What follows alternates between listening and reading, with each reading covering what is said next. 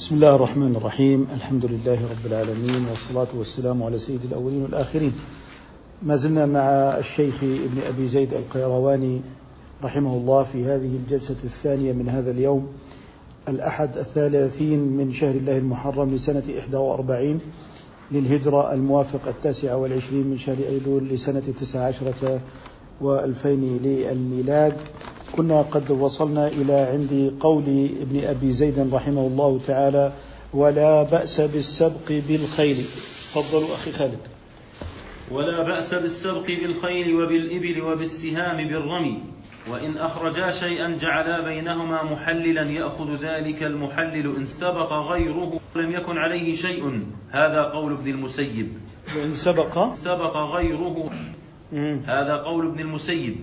وقال مالك إنما يجوز أن يخرج الرجل سبقا فإن سبق غيره أن أخذ يخرج سبقا. السبق اللي هو الجعل في السباق. وقال مالك إنما يجوز أن يخرج الرجل سبقا فإن سبق غيره أخذه.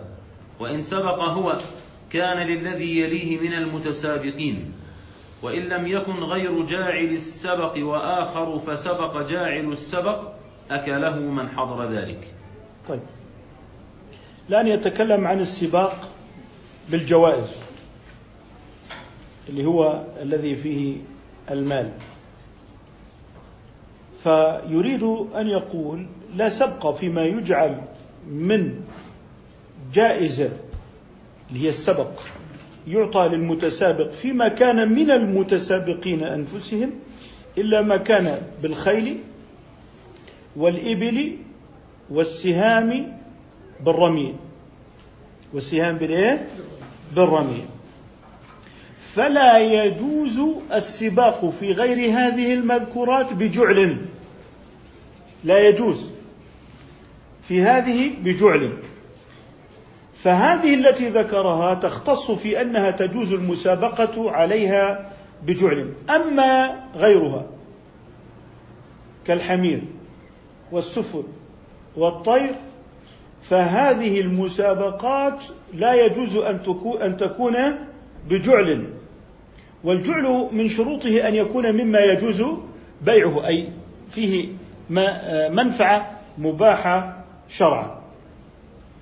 ولا بد أن يكون السباق محددا بمعنى إعلان الغاية. نقول إلى هنا الرمي إلى هنا سباق الخ- الخيل. واضح؟ ولا بد من معرفة المكان الذي يجري فيه التسابق ليبين ذلك. ولا بد من معرفة أعيان الخيل أي يسابق على هذا الخيل ويسابق على هذا الخيل. ويشترط في الراكب أن يكون بالغا. لا يجوز أن يكون الراكب صغيرا. لا بد أن يكون إيه؟ بالغا. ويشترط أيضا أن يكون هذا الفرس مع هذا الفرس لا يعلم من يسبق الآخر. يعني إن سبق أنهما تسابقا وسبق هذا ذاك فعندئذ معروف النتيجة ومعروف الجعل لمن؟ الجعل لمن يركب على هذا لأنه هو السابق. واضح؟ فلا بد أن يكون قد جهل السبق أو القدرة على السبق بين الفرسين. ولكن لا يشترط معرفة الراكب. من الذي يركب؟ لا يشترط. إنما يشترط معرفة الخيل التي سيسابق عليها. فعندئذ يقول وإن أخرجا أي المتسابقان شيئا جعلا بينهما ثالثا يعني يأتون أنا جعلت مني مئة دينار لمن يسبق وأنت جعلت مئة دينار لمن يسبق. جعل بينهما محللا. فكل واحد أخرج شيء. نأتي بثالث حتى يكون هو الذي يمكن أن يأخذ من الاثنين. لا أن أنا أقامر معك على سباقي وأنت تقامر معي على سباقي. فلو بقيت كذلك لكنا مقامرين. لذلك نأتي بالمحلل وهو إيه؟ الثالث.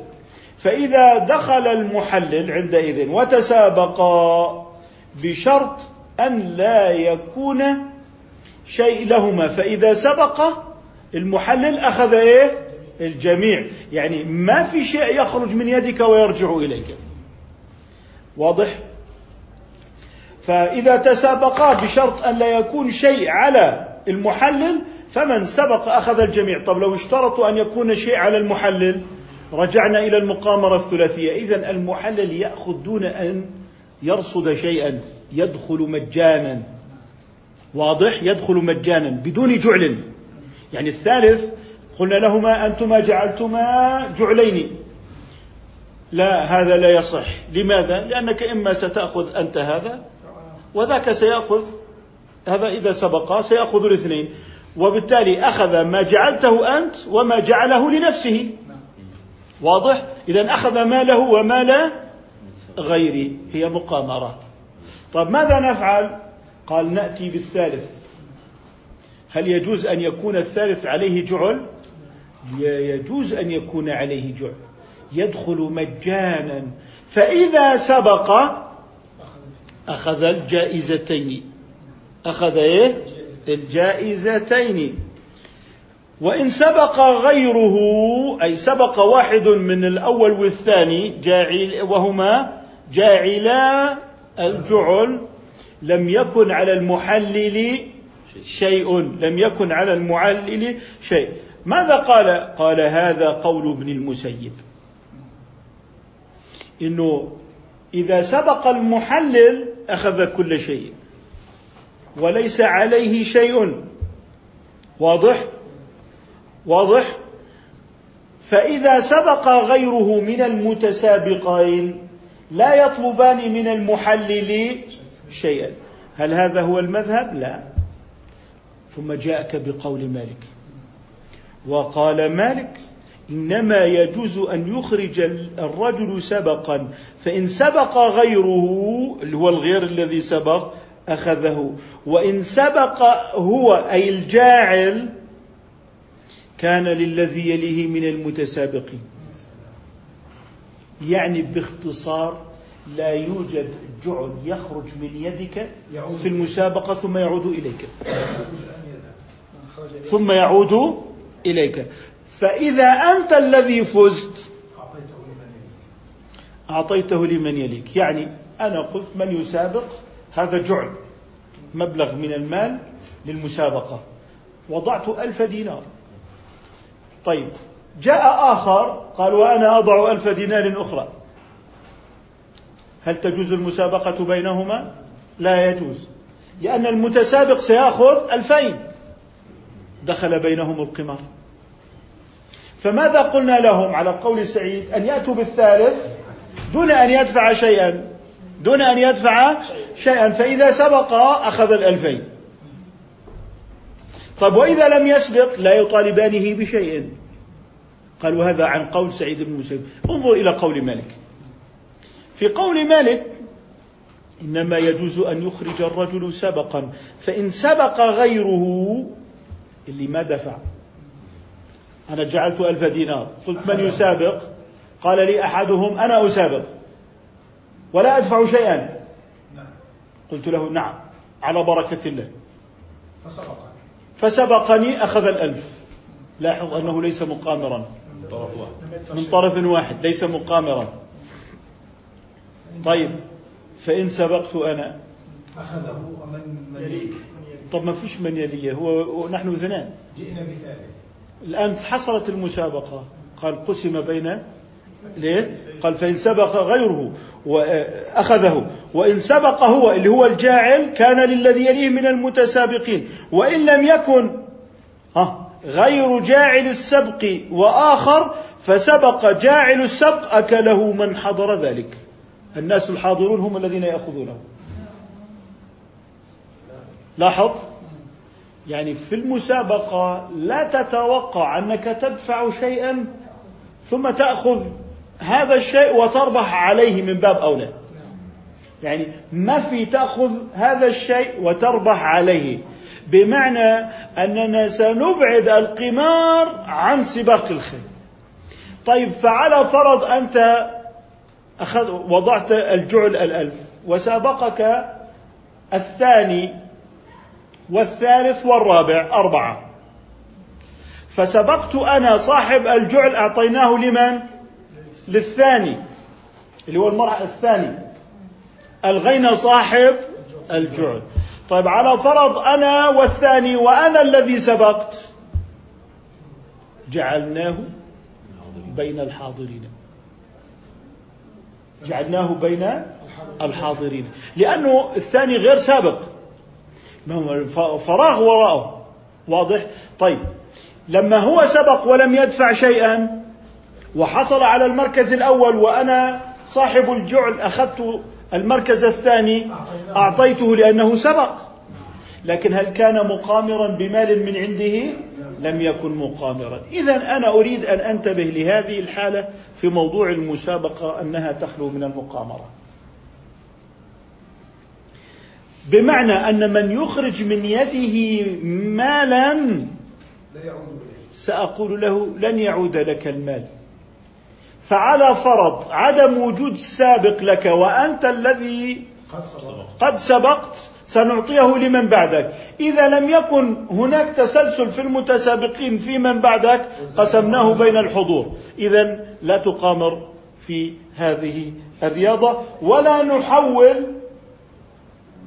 رياضة الخيل إلى مقامرات ومراهنات. تصبح ميادينا للقمار. تدفع؟ عندئذ لا تأخذ مما تدفع. لاحظوا رأي ابن المسيب؟ أنه قد تأخذ نتيجة وجود المحلل الثالث. كونك أنت الذي سبقت فتأخذ الألفين. لكن هذا المحلل الذي دخل عندئذ هو أعطاك أنك أنت لن تكون ضامنا للألف. قد يأخذها غيرك أنت ومن تراهنت معه. لستما ضامنين أنه ما تربحه من فلان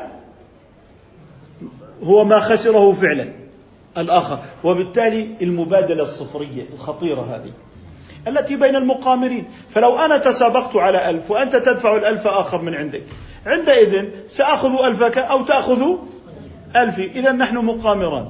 أتينا بالثالث اللي هو سميناه المحلل. وهو ما سميناه المحلل. أما ما يحدث في سباقات الخيل العالمية الآن أن الناس يقامرون حتى الجمهور يدخلون بالمقامرة على الفرس الرابح. وبالتالي إذا جئت إلى مجموع الأموال المجموعة من هؤلاء المقامرين هي التي تتحول فيما بعد جوائز سباق تماما وما ربحه فلان خسره فلان. بمعنى أننا أمام مسابقات قمار. وبالتالي ما هي محصلة الناتج الاقتصادي؟ المبادله الصفرية. يعني القمار محصلته مبادلة صفرية. دخل أناس إلى هذه الغرفة كل واحد معهم مئة دينار. مئة واحد. وقلنا لهم إلعبوا قمار إلى نهاية اليوم. ستجد أن أحدهم يخرج يقول لك أنا ربحت ألفا وذاك يقول لك أنا خسرت المئة. طيب أعطوني مجموع الأرباح. هي مجموع الأموال الداخلة. إذا نحن كنا في عمليات مستهترة. لا يترتب عليها قيمة مضافة. ولذلك سنجد أن القمار ما يربحه فلان هو ما خسره فلان وهي أكل لأموال الناس بالباطل دون أن تعود بمنفعة على من دفع. لذلك احتاطت الشريعة في موضوع السباق وأعطت الناس فرصة ومتنفسا لهم في السباق بالخيل والرمي اللي هو إيه؟ والإبل. طبعا والرمي بالسهام. أعطتهم فرصة للتنفس عن حالة الركود والكسل إلى الرياضة التي هي منشطة للجهاد. منشطة ليه؟ للجهاد. وبالتالي جاءت إلى موضوع الرياضة فجعلته مفيدا في باب من أبواب العبادة وهو باب الجهاد فتأتي إلى ميول البشر فلا تحبسها ولا تخنقها. إنما تضع لها قنوات فيا من أردتم المنافسة ويا من أردتم الرياضة على جعل فها هو الجعل لكم في ثلاثة الخيل والإبل والرماية. فهنا تنافسوا فيها بالجعل. أما ما سوى ذلك فيحرم الجعل فيه. فيحرم الجعل. آه طيب. يحرم الجعل فيه. أنا أريد مثلا أقوم بمسابقات ثقافية. وجعلات ثقافية. اللي بيتحذر. استعانة بصديق. اجمع أموال. اتصالات الدقيقة. العادية. بنصف درهم. الدقيقة مع هذا بخمسة دراهم. جني أموال. تماما؟ جني أموال. بعد ذلك الجوائز تؤخذ خمسين في المية من الأموال التي جنيناها. فتعطى لمن؟ جوائز للمقامرين. ويربح المنظم للمسابقة الثقافية الخمسين في المئة ما هو العمل المنتج المثمر الذي قدم للمجتمع؟ لا شيء. والله يبدأ معك بأسئلة تكون بسيطة. هناك بحر يسمى البحر الميت. من في الأردن من لم يزر البحر الميت؟ ما اسم الخليج الذي هو في الأردن؟ لا يوجد إلا خليج واحد. مثلا عروس الشمال إربد ثقافة عامة ومتداولة. لكن هذا للتنشيط. وأنت تدفع وأنت تدفع أموالا وهو يسألك مثل هذه الأسئلة أو وزنك ذهب. ما وزنك؟ طبعا الدقيقة تعد بالدينار. ما وزنك؟ أنت عندما يسألك ما وزنك تظن أنك خلاص. الآن هم يسألونك عن وزنك لتكسب. لذلك هي تعتمد على عقول أناس سذج وبسطاء وهي عمليات قمار. الآن أنت تريد أن تجعل جوائز مالية على رياضة القدم كرة القدم. هذه تجد أن أجرة ما يسمى بالثمن للاعبين في الملعب تزيد على ملياري دولار. مقامرة على تذاكر وقنوات بث فضائي. شعوب مديونة تشتري هذه الأجهزة اللاقطة بدمها. لتمارس الرياضة أم لتشاهد الرياضة؟ كروش متدلية. أوزان ثقيلة ممكن تصعد الدرج على مرتين وثلاثة وهو منهمك الليل بالنهار في موضوع أخبار الرياضيين. هذه ليست هي الرياضة. لذلك لا تريد الشريعة أن يتحول اللعب إلى تجارة تسيطر على التجارة الحقيقية. وتنافس التجارة الحقيقية. أن تجد مئات الملايين تصب في الاستثمار في النوادي الرياضية. بينما قطاع الزراعة هالك خاو على عروشه. لماذا؟ لأنهم استحوذوا على أفكار الجيل. لذلك علينا أن ننتبه إلى مقاصد الشريعة في الرياضة وأن الشريعة تريد بناء الجسم بالرياضة لا أن تجد 22 لاعبا في الملعب يشاهدهم ثلاثة مليارات كم نسبة كم نسبة اللاعبين نسبة اللاعبين إلى غيرهم؟ لا شيء. فلذلك موضوع الغرق في هذا تحذر منه الشريعة. ونحن غارقون كما ذكرنا في الموسيقى وكما ذكرنا في النرد وكما ذكرنا في الشطرنج ها نحن نذكر هنا الرياضة وانظروا إلى إذن الشريعة بالرياضة فيما يعود بالنفع على الرماية وركوب الخيل وما يعود على الأمة بعزتها. فجعلت الرياضة هنا مهمة. تقول لي الرياضة فيها الجري؟ نقول نعم. الذين يركضون في الملعب لا يزيدون على 22 لاعبا. لكنني أرى هذه المدرجات مليئة بمشكلات السمنة ومشكلات الدهون الثلاثية وضع على ذلك ما تضعه من مشكلات اجتماعية من ملاحقة هذه الرياضة التي أصبحت تستنزف قوى مجتمع. وفيها ما فيها من استهلاك الأموال بينما نجد أن هؤلاء أنفسهم نجد أن هؤلاء أنفسهم غير غير قادرين على الوفاء باحتياجاتهم اليومية من السلع الأساسية. وليسوا أهلا للرياضة أصلا. عندئذ عليك أن تدرك أن الشريعة عندما تحارب الاستغلال لبساطة الناس واستخدام أمور مهمة يحبها الناس في ابتزاز أموالهم من قبل رجال الأعمال علينا أن ننتبه إلى هذا. قال وجاء فيما ظهر. تفضلوا أخ خالد. وجاء فيما ظهر من الحيات بالمدينة أن تؤذن ثلاثا وإن فعل ذلك في غيرها فهو حسن ولا تؤذن في الصحراء ويقتل ما ظهر منها. ويكره قتل القمل والبراغيث بالنار. ولا بأس إن شاء الله بقتل النمل إذا آذت ولم يقدر على تركها. ولو لم تقتل كان أحب إلينا.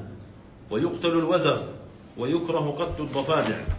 وقال النبي عليه السلام إن الله أذهب عنكم غبية الجاهلية وفخرها بالآباء. مؤمن تقي أو فاجر شقي. أنتم بنو آدم وآدم من تراب. وقال عليه الصلاة والسلام في رجل تعلم أنساب الناس علم لا ينفع وجهالة لا تضر. وقال عمر رضي الله عنه تعلموا من أنسابكم ما تصلون به أرحامكم. وقال مالك وأكره أن يرفع في النسبة فيما قبل الإسلام من الآباء. جزاكم الله خيرا وبارك الله فيكم. يتحدث هنا عما ظهر في الحياة في البيوت. هنا قال وجاء فيما ظهر من الحياة بالمدينة. وهذا المدينة هذه المدينة هنا أي المدينة المشرفة. وهل هذا يختص بالمدينة المنورة يدل كلامه فيما بعد أنه لا يختص بالمدينة المنورة بل في كل مكان مأهول سواء كان في البيت أم في الأزقة. وهو مشروع لما ورد عن النبي صلى الله عليه وسلم إن بالمدينة جنا قد أسلموا. فإذا رأيتم منهم شيئا فآذنوه ثلاثة أيام. فإن بدا لكم بعد ذلك فاقتلوه فإنما هو شيطان. إذا هذا فيما يظهر في البيوت وقلنا إنه ليس خاصا بمدينة النبي صلى الله عليه وسلم إنما هو مما خرج مخرج الواقع وهو أنهم كانوا في المدينة وكان هذا غالب حياتهم المدينة المنورة. اذا هذا خرج مخرج الواقع ولا يعد آه، مانع ولا يعد له مفهوم. آه واضح؟ طيب اذا لا مفهوم له لأنه خرج مخرج الواقع. آه فهنا لابد من الاستئذان. وكيف يكون الاستئذان في صيغته؟ يقول أهل البيت إن كنت تؤمن بالله واليوم الآخر وأنت مسلم فلا تظهر لنا خلاف اليوم. ولا تؤذن ولا تؤذن فإن ظهرت لنا قتلناك. اذا هذا في الاستئذان فيما هو في البيوت والأزقة اللي هي المناطق المأهولة. أما الصحراء والوديان فهذه لا استئذان فيها. ومعنى هنا بالمدينة أن تؤذن ثلاثا أي أن تعلم أي أن إيه؟ تعلم. قال وإن فعل ذلك في غيرها أي في غير المدينة فهو حسن. قال ولا تؤذن في الصحراء إلا الصحراء والأودية وما إلى ذلك. قال ويقتل ما ظهر منها في موضوع الصحراء والوديان. قال ويكره قتل القمل والبراغيث بالنار. الكراهة هنا كراهة تنزيه ليست على التحريم. لأن الأصل فيها الإيذاء الأصل فيها إيه؟ الإيذاء وحقيقة الآن أكثر المبيدات في هذا الموضوع تجد أنها يعني يعني تميت بالحرق. يعني ما يستخدم من مواد كاوية. تستخدم في ذلك. يعني وهذا ربما يكون لابد منه. يكون مما لا بد منه. قال ولا بأس إن شاء الله بقتل النمل. وهنا المشيئة لأنه لم يطلع على نص. يعني هنا انظر إلى يعني يريد أن يشعرك. وهذا إن دل على شيء فإنما يدل على صدق التبين. أننا لا نجزم بأمر طالما أننا لم نجد فيه لنا نصا وإنما نجتهد باعتبار الأصول العامة لكنه يريد أن يقول لك إن هذا لم أجد فيه ما أجزم به. فقال لك ولا بأس إن شاء الله بقتل النمل إذا آذت سواء آذت في البدن أو في المال. ولم يقدر ولم يقدر على تركها. ثم قال ولو لم تقتل كان أحب إلينا. أي عدم القتل أحب إلينا. عدم القتل أحب إلينا. قال ويقتل الوزغ. ويقتل إيه؟ الوزغ. لاحظ الآن فيما لم يجد فيه نصا عن مالك قال إن شاء الله. طيب كيف يقال إن المالكية خالفوا مالكا؟ بهذه الدعوات المرسلة عن التحقيق. يعني حتى تقول المالكيه خالفوا مالكا كان ينبغي أن تقول بموسوعة من التحري والتدقيق وأن تعرف منهج القوم وكيف فعلوا وكيف خالفوا. لكن أن تأتي بمثل هذه الدعوة العريضة في اتهام أمة معروفة بالتدقيق على هذا المستوى أن تقول خالف الشافعية الشافعي.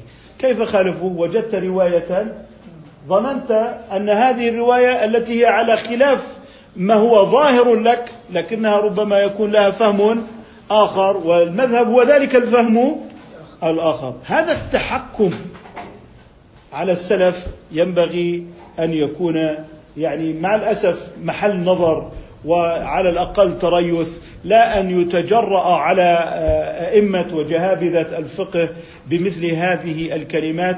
المرسلة لمجرد أن رواية في الظاهر لم يفقهها هؤلاء فخرجوا بنتيجة أن الشافعية قد خالفوا الشافعي وأن المالكية فارقوا مالكا. وهذا أسلوب هدمي أدى إلى حالة من التفكك في الشريعة في هذه الأيام وتفكيك الفقه الإسلامي وإلى تفجيره من داخله مع الأسف الشديد. بسبب سوء فهم الروايات والقذف بالغيب من مكان بعيد مع كل أسف. اذا في قوله هنا ويقتل الوزغ أي تقتل ولو لم تؤذي. لاحظ هناك فصل في موضوع الايذاء، هنا لم يفصل. اذا تقتل ولو لم تؤذي. وذلك للحديث من قتلها في المرة الأولى فله مئة حسنة ومن قتلها في المرة الثانية فله سبعون حسنة وقيل خمسون ومن قتلها في الثالثة فله خمس وعشرون. هناك من يلتمس فهما آخر في هذا الحديث. يقول إن من قتل في الأولى لم يعذبها فكانت له المئة. وفي الثانية أصابها بشيء من التعذيب فلما قتلها في الثالثة كان قد زاد عليها التعذيب. وبالتالي هذا فهم آخر.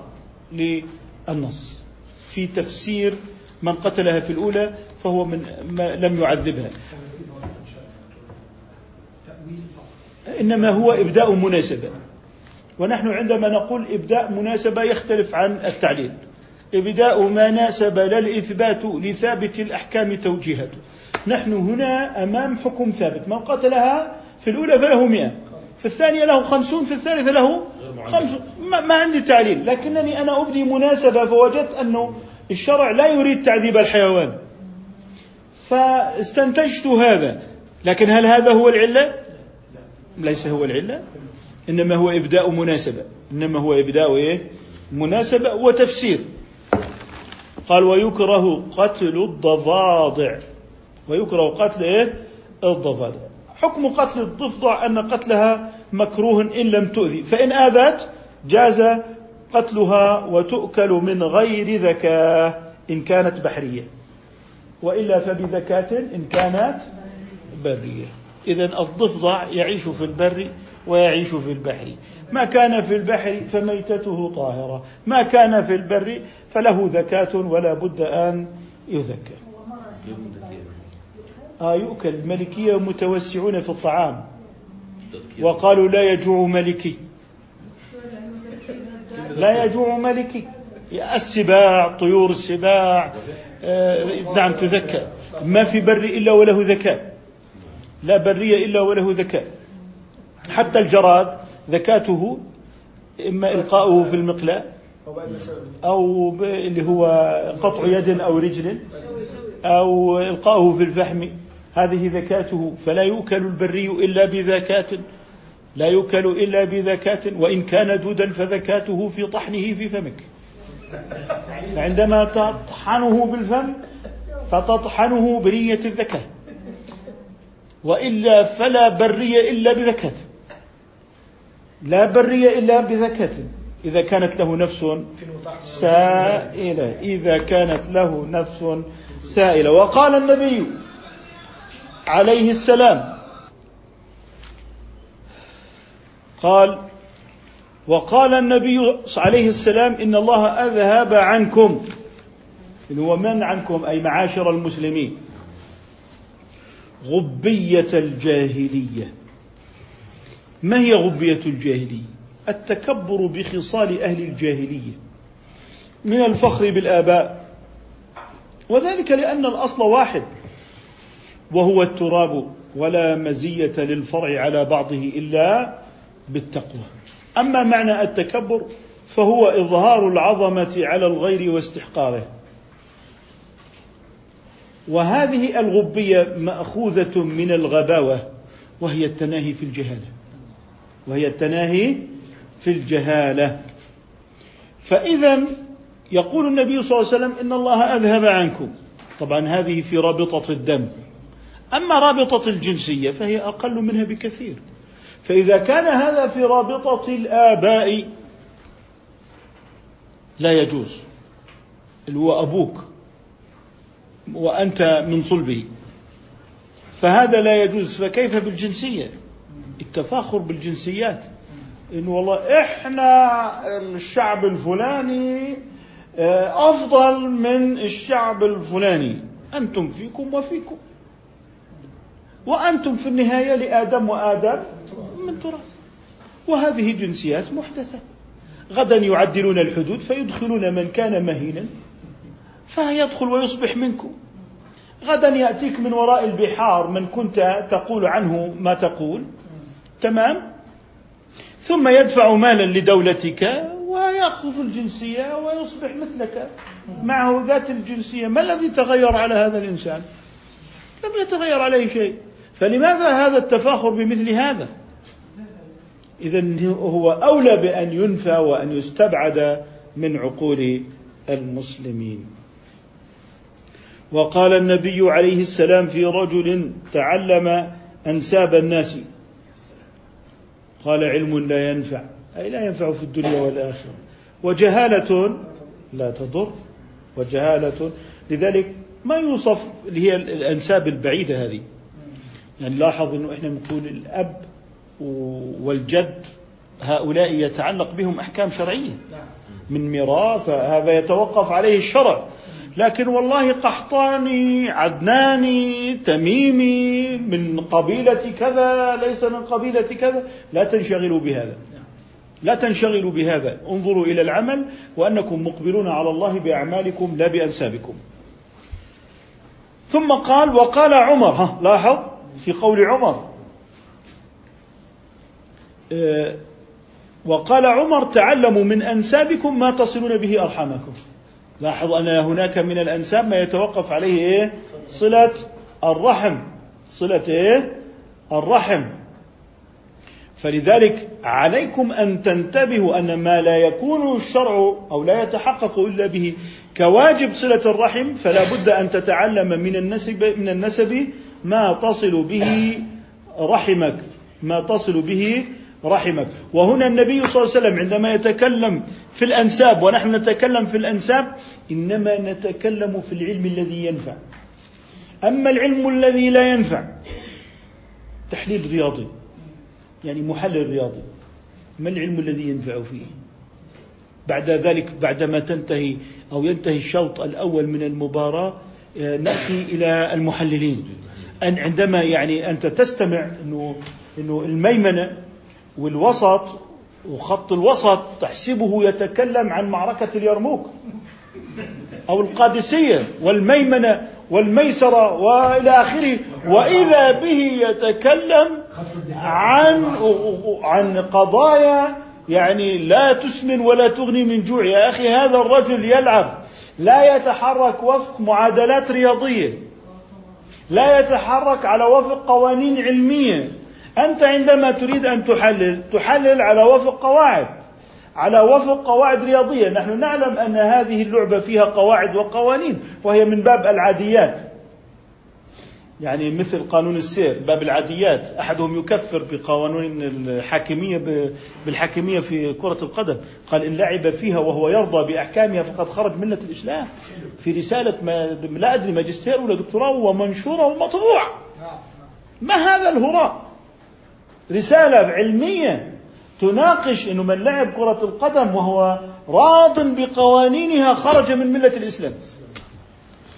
ما هذا؟ ما هذا؟ هذا أصبحنا هو يلعب بها ساخطا على قوانينها جاحدا مكذبا لقوانينها.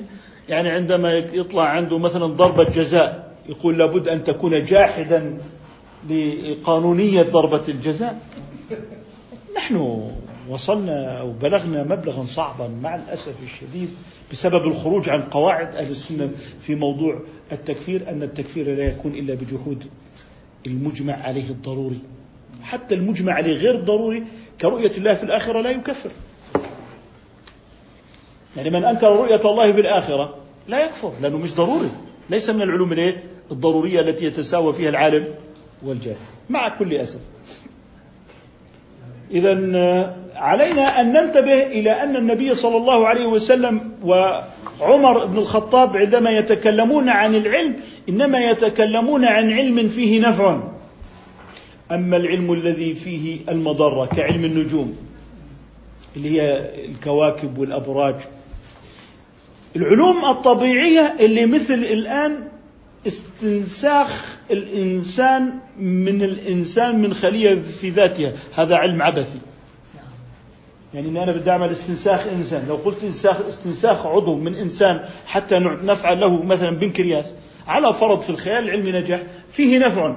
لكن عندما تبحث عن استنساخ إنسان كامل لا تعرف من أمه. لا تعرف. يعني جئنا إلى امرأة وأخذنا منها خلية وتم تفريغ النواة وأخذنا هذه النواة ووضعناها في بييضة المرأة وأوهمناها بكهرباء ساكنة أنها قد لقحت ستنقسم. لكنها ستنقسم بنفس صفات المرأة التي أخذنا منها النواة وهي صاحبه الخلية وصاحبة البييضة وصاحبة الرحم نفسه. من الأم والأب؟ أنت غيرت على سنن الله في التكاثر. من الأب؟ من الأب؟ من العمات؟ من الخالات؟ عمليا إذا أنت تدخل في العلم العبثي. أنت تدخل في العلم العبثي. وبالتالي عندما نقرأ هذا فعلينا أن نهتم بأن العلوم المفيدة هي التي يرضى عنها الشارع وهي التي أمر بها الشارع. فإن ترتب عليه إضرار بالإنسانية مثل بعض خيالات البحث العلمي. تغيير الجنس تغيير جنس الإنسان تحويل الإنسان. تغيير الخلقة. تغيير الخلقة. هذا كله عبثي.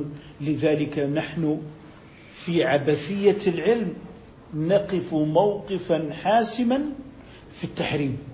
لابد أن يثبت للعلم منفعة تعود على الإنسان. أما ما كان يعود على الإنسان بالمضرة فلا يجوز. اللهم إني أعوذ بك من علم. لا ينفع. هل هذه نفعية؟ لا.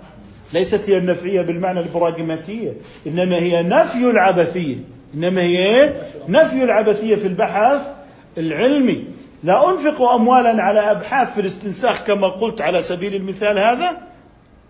وتغيير الخلقة وتغيير جنس البشر؟ تماما. وأن الإنسان يصبح يتعاطى حبوبا يتحول من خلاله إلى أعضاء الأنثى في الذكر. مثلا. طبعا لن تكون جميع الأعضاء إنما يصبح هناك يعني عبر يعني تعاطي هرمونات الأنثوية للذكر أو الهرمونات الذكورية للأنثى وبالتالي نصبح أمام تحولات في الجنس تقضي على التكامل بين الرجل والمرأة الذي هو سنة الله في الخلق وبناء عليه مدار الخلق. إذا هنا عندما يؤسس ابن أبي زيد إلى مثل هذا إنما يؤسس للعلوم النافعة. وبالتالي معيارنا في العلوم ما ينفع. لن يدخل عندنا علوم الردع الأسلحة البيولوجية الأسلحة الكيماوية. آه إذا أنت تحتاج إلى عدوك يمتلك هذا السلاح أنت تحتاج إلى قوة ردع.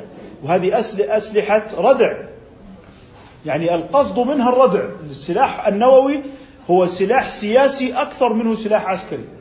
بمعنى أن الدولة النووية تصبح مهابة سياسيا وإلا فاستخدام السلاح النووي اللي هو التدمير الشامل قليل وإن وجد. لذلك على الأمة أن تصنع من السلاح ما يدفع أذى هؤلاء الفاجرين المتوحشين عنها بمعنى أن هذا السلاح موجود لدينا وبالتالي يصبح سلاحا سياسيا تخوف تخوف بهم وتشرد بهم من خلفهم لأن هؤلاء لا تردعهم آه، مخافة الله.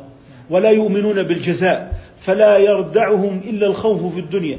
فعليك أن ترهبهم لحماية الناس لأنهم مجرمون. إذا ظهروا على الناس فتكوا وفسدوا وأفسدوا. لذلك يصبح عندئذ امتلاك السلاح الرادع منفعة للمسلمين. ولا نقول إننا لا نمتلك هذه الأسلحة لأنها تدمر لأننا عندئذ نحن الذين سندمر بها. نحن الذين سندمر بها. أنت عندما تكون قويا تجتنبك المظالم متى تملك القلب الذكي وصارما. وانفا حميا تجتنبك المظالم. وكنت إذا قوم غزوني. غزوت. فهل أنا في ذا يا لهمدانا ظالم. هيك العالم العالم هو يعيش عقلية الغزو. العالم اليوم يعيش عقلية الغزو. هي عقلية الغزو. كانت في السابق القبائل البدائية الآن الجيوش المنظمة لكنها جميعا تلك كانت تبحث عن الكلأ الآن يبحثون عن النفط والذهب والدولار. لم تختلف الجوهريات إنما أنت أمام اختلاف في الشكليات. لذلك هنا نؤسس إلى العلم النافع ومن العلم النافع أن تمتلك الأمة جميع القوة الرادعة لهؤلاء المجرمين الذين لا تردعهم الآخرة ولا الجزاء فيها إنما يردعهم الجزاء في الدنيا. لأنتم أشد رهبة في صدورهم من الله. ذلك بأنهم قوم لا يفقهون يعني هم ما بيخافوا الله. ما بيخافوا الله. وها هو فعلهم ظاهر عيانا في جميع أنحاء العالم. ماذا يفعلون بالمسلمين في كل مكان؟ لا تردعهم أخلاق. لا يردعهم مبدأ لا نخوة لا كرامة لا شعور بالإنسانية. إنما هم يعني متفننون في كلاميات ومثل لا علاقة لها بحقيقة الأمر. ثم انتقل يقول والرؤية والرؤيا الصالحة جزء من ستة وأربعين. في شيء من التكرار سنبينه إن شاء الله تعالى. وفي سطر وأكره وقال مالك وأكره أن يرفع آه نعم. وقال مالك وأكره أن يرفع في النسبة فيما قبل الإسلام من الآباء. يعني يعني يعني لا ترفع في النسبة إلا للأب الأول لا ترفع للجد يكره. لذلك الإمام البخاري في تسمية نفسه محمد بن إسماعيل إلى أن وصل بردزبة ثم وقف. بعد هذا لا مفخر فيه. هذا في الجاهلية. لذلك لا ترفع عن الأب في النسبة إلى ما قبل الإسلام ولو كان واحدا ولو كان واحدا. ثم قال والرؤيا الصالحة. طيب نبدأ من عند قوله والرؤيا الصالحة. تفضل أخي خالد. والرؤيا الصالحة جزء من ستة وأربعين جزءا من النبوة ومن رأى في منامه ما يكره فليدفل عن يساره ثلاثا. وليتعوذ من شر ما رأى ولا ينبغي أن يفسر الرؤيا من لا علم له بها ولا يعبرها على الخير وهي عنده على المكروه. ولا بأس بإنشاد الشعر وما خف من الشعر أحسن ولا ينبغي أن يكثر منه ومن الشغل به. وأولى العلوم وأفضلها وأقربها إلى الله علم دينه وشرائعه مما أمر به ونهى عنه ودعا إليه وحض عليه في كتابه وعلى لسان نبيه صلى الله عليه وسلم. والفقه في ذلك والفهم فيه والتهمم, والتهمم برعايته والعمل به. والعلم أفضل الأعمال وأقرب العلماء إلى الله تعالى وأولاهم به أكثرهم له خشية وفيما عنده رغبة. والعلم دليل إلى الخيرات وقائد إليها. جزاك الله خيرا وبارك الله فيكم أخي خالد قال والرؤيا الصالحة عاد هنا ليتحدث عن الرؤيا الصالحة لأنه سيرتب أحكاما لم يذكرها سابقا. فهي بمثابة ابتداء بما سبق ليرتب عليه أحكاما جديدة. وهو ما بعدها من أحكام. قال آه، والرؤيا الصالحة جزء من ستة وأربعين جزءا من النبوة. ولا يعد كما قلت كلامه هنا حشوا. لأنه سيرتب عليه ما بعده. قال ومن رأى في منامه من يكف ما يكره فليتفل طبعا من غير صوت عن يساره ثلاثا وليتعوذ من شر ما رأى. اختصار لما سبق. ولا ينبغي أن يفسر الرؤيا من لا علم له بها. هنا لا ينبغي أن يحرم. إذا من كان لا علم له بالتفسير يحرم عليه أن يفسر. ولا ينبغي أن يفسر الرؤيا من لا علم له بها اللي هو الرائي. الآن ولا يعبرها على الخير وهي عنده من المكروه.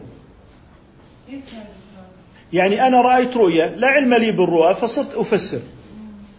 طيب أنا رأيت رؤيا ما عندي علم بالرؤى فجاء أحد لا علم له بالرؤى يفسر.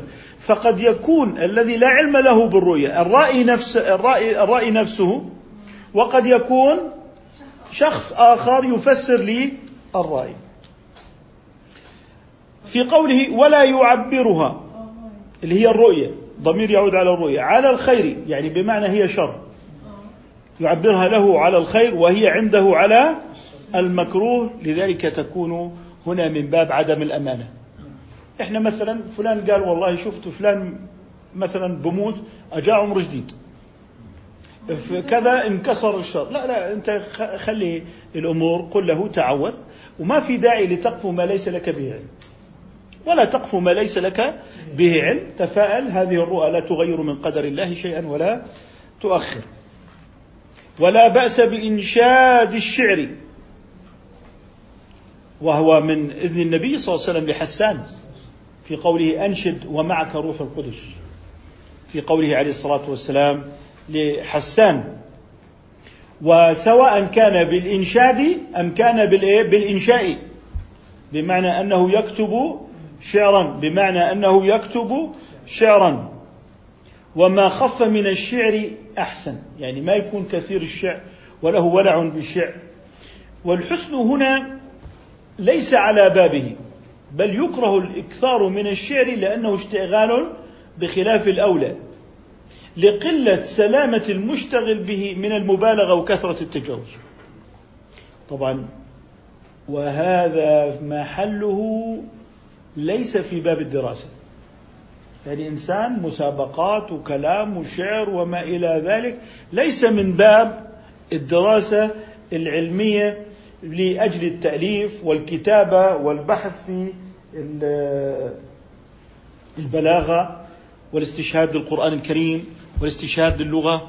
يعني ستجد أن النحاة دائما يعني تجدهم مشغولين بالشواهد ومشغولين بتفسير الشواهد وبتعليلها وبالاستشهاد. هذا لا يدخل في محل الكراهة. محل الكراهة أنه أصبح هذا الشخص ليس من باب الدراسة العلمية يتداول الشعر إنما من باب الإنشاد ويعني قد يكون من باب المباهاة وما إلى ذلك أو من باب المبالغات والذوقيات فيما لا يترتب عليه علم وفائدة. قال ولا ينبغي أن يكثر منه. طبعا هنا كراهة ومن الشغل به. ثم قال وأولى العلوم. وأولى العلوم وأفضلها وأقربها إلى الله علم دينه وهو العقائد.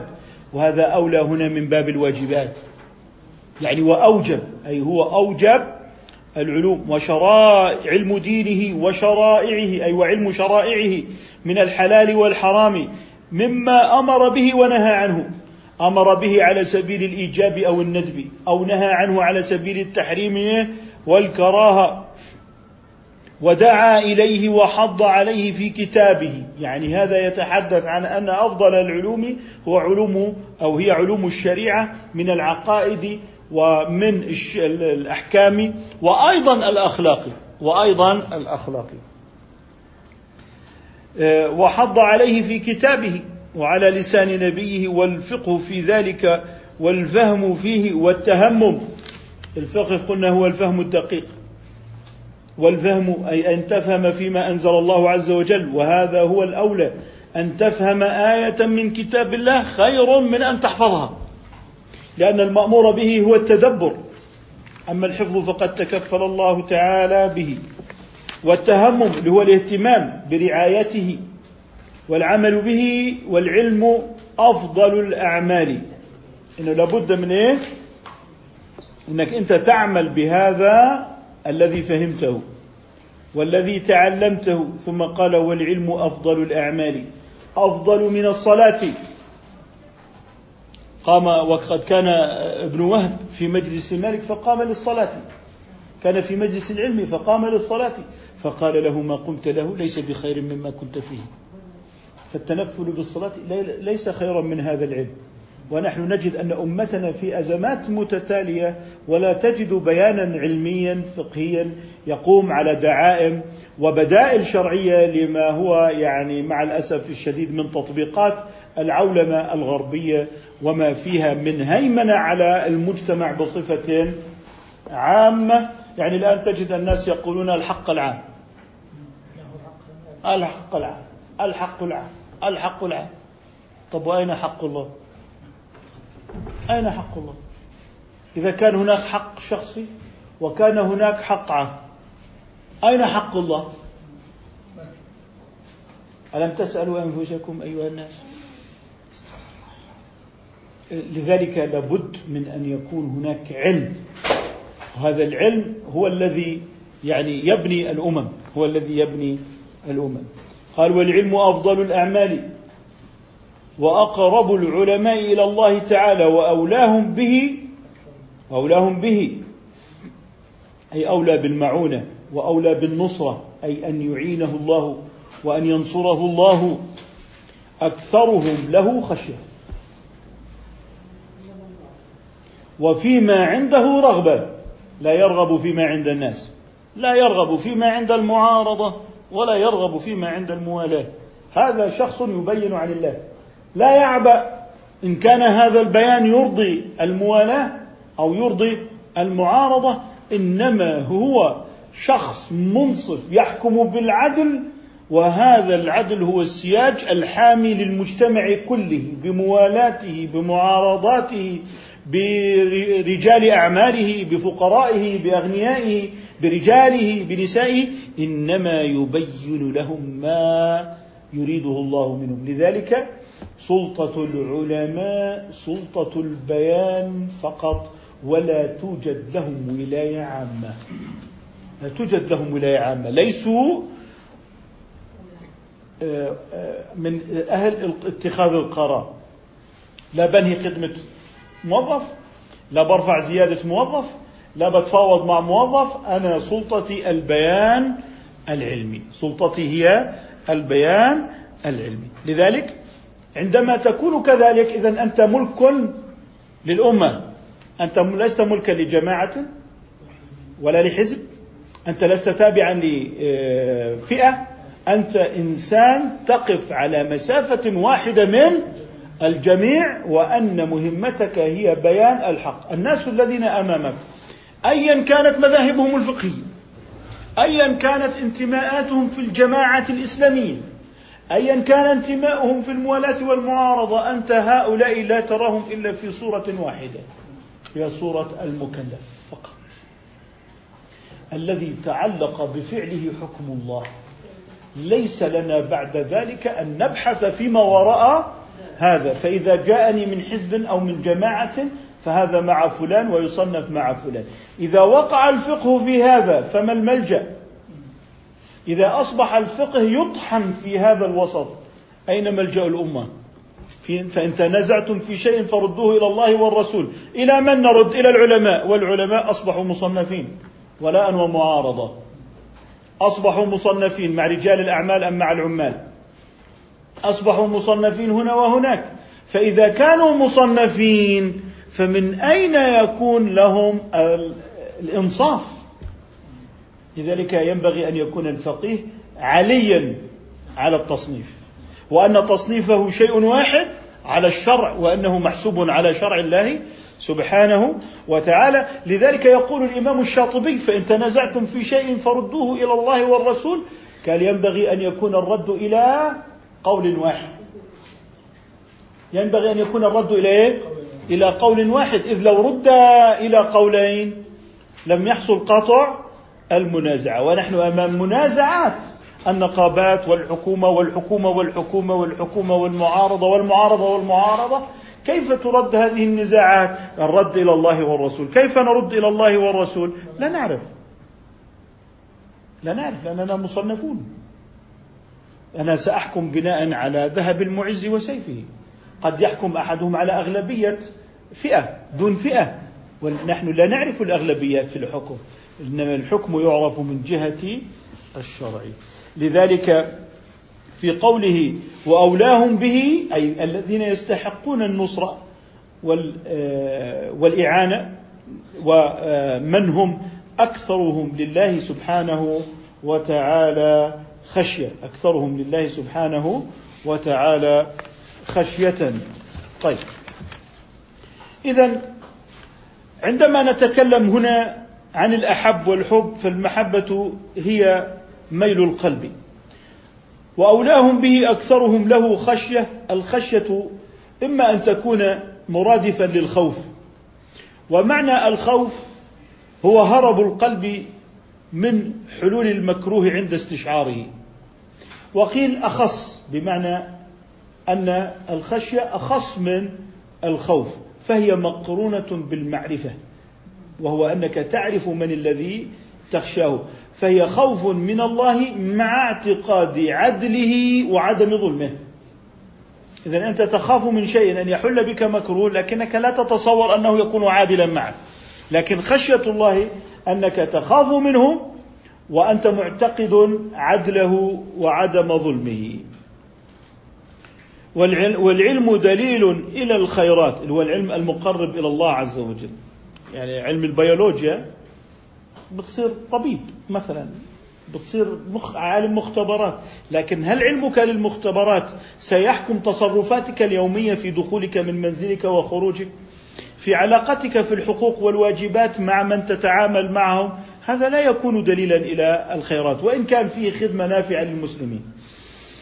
فالحديث أن العلم له فضل عظيم في قول النبي صلى الله عليه وسلم من سلك طريقا يلتمس فيها علما سهل الله له طريقا إلى الجنة وإن الملائكة لتضع أجنحتها لطالب العلم رضا بما يصنع وإن العالم ليستغفر له من في السماوات ومن في الأرض حتى الحيتان حتى الحيتان في الماء وفضل العالم على العابد كفضل القمر على سائر الكواكب. وإن العلماء ورثة الأنبياء وإن الأنبياء لم يورثوا دينارا ولا درهما وإنما ورثوا العلم. فمن أخذه أخذ بحظ وافر فالعلم المقصود به هنا العلم الشرعي في العقائد والأحكام والأخلاق. علم الطبيعة يدلك على وجود الله، لكن الطب لا يدلك كيف تتصرف مع جارك.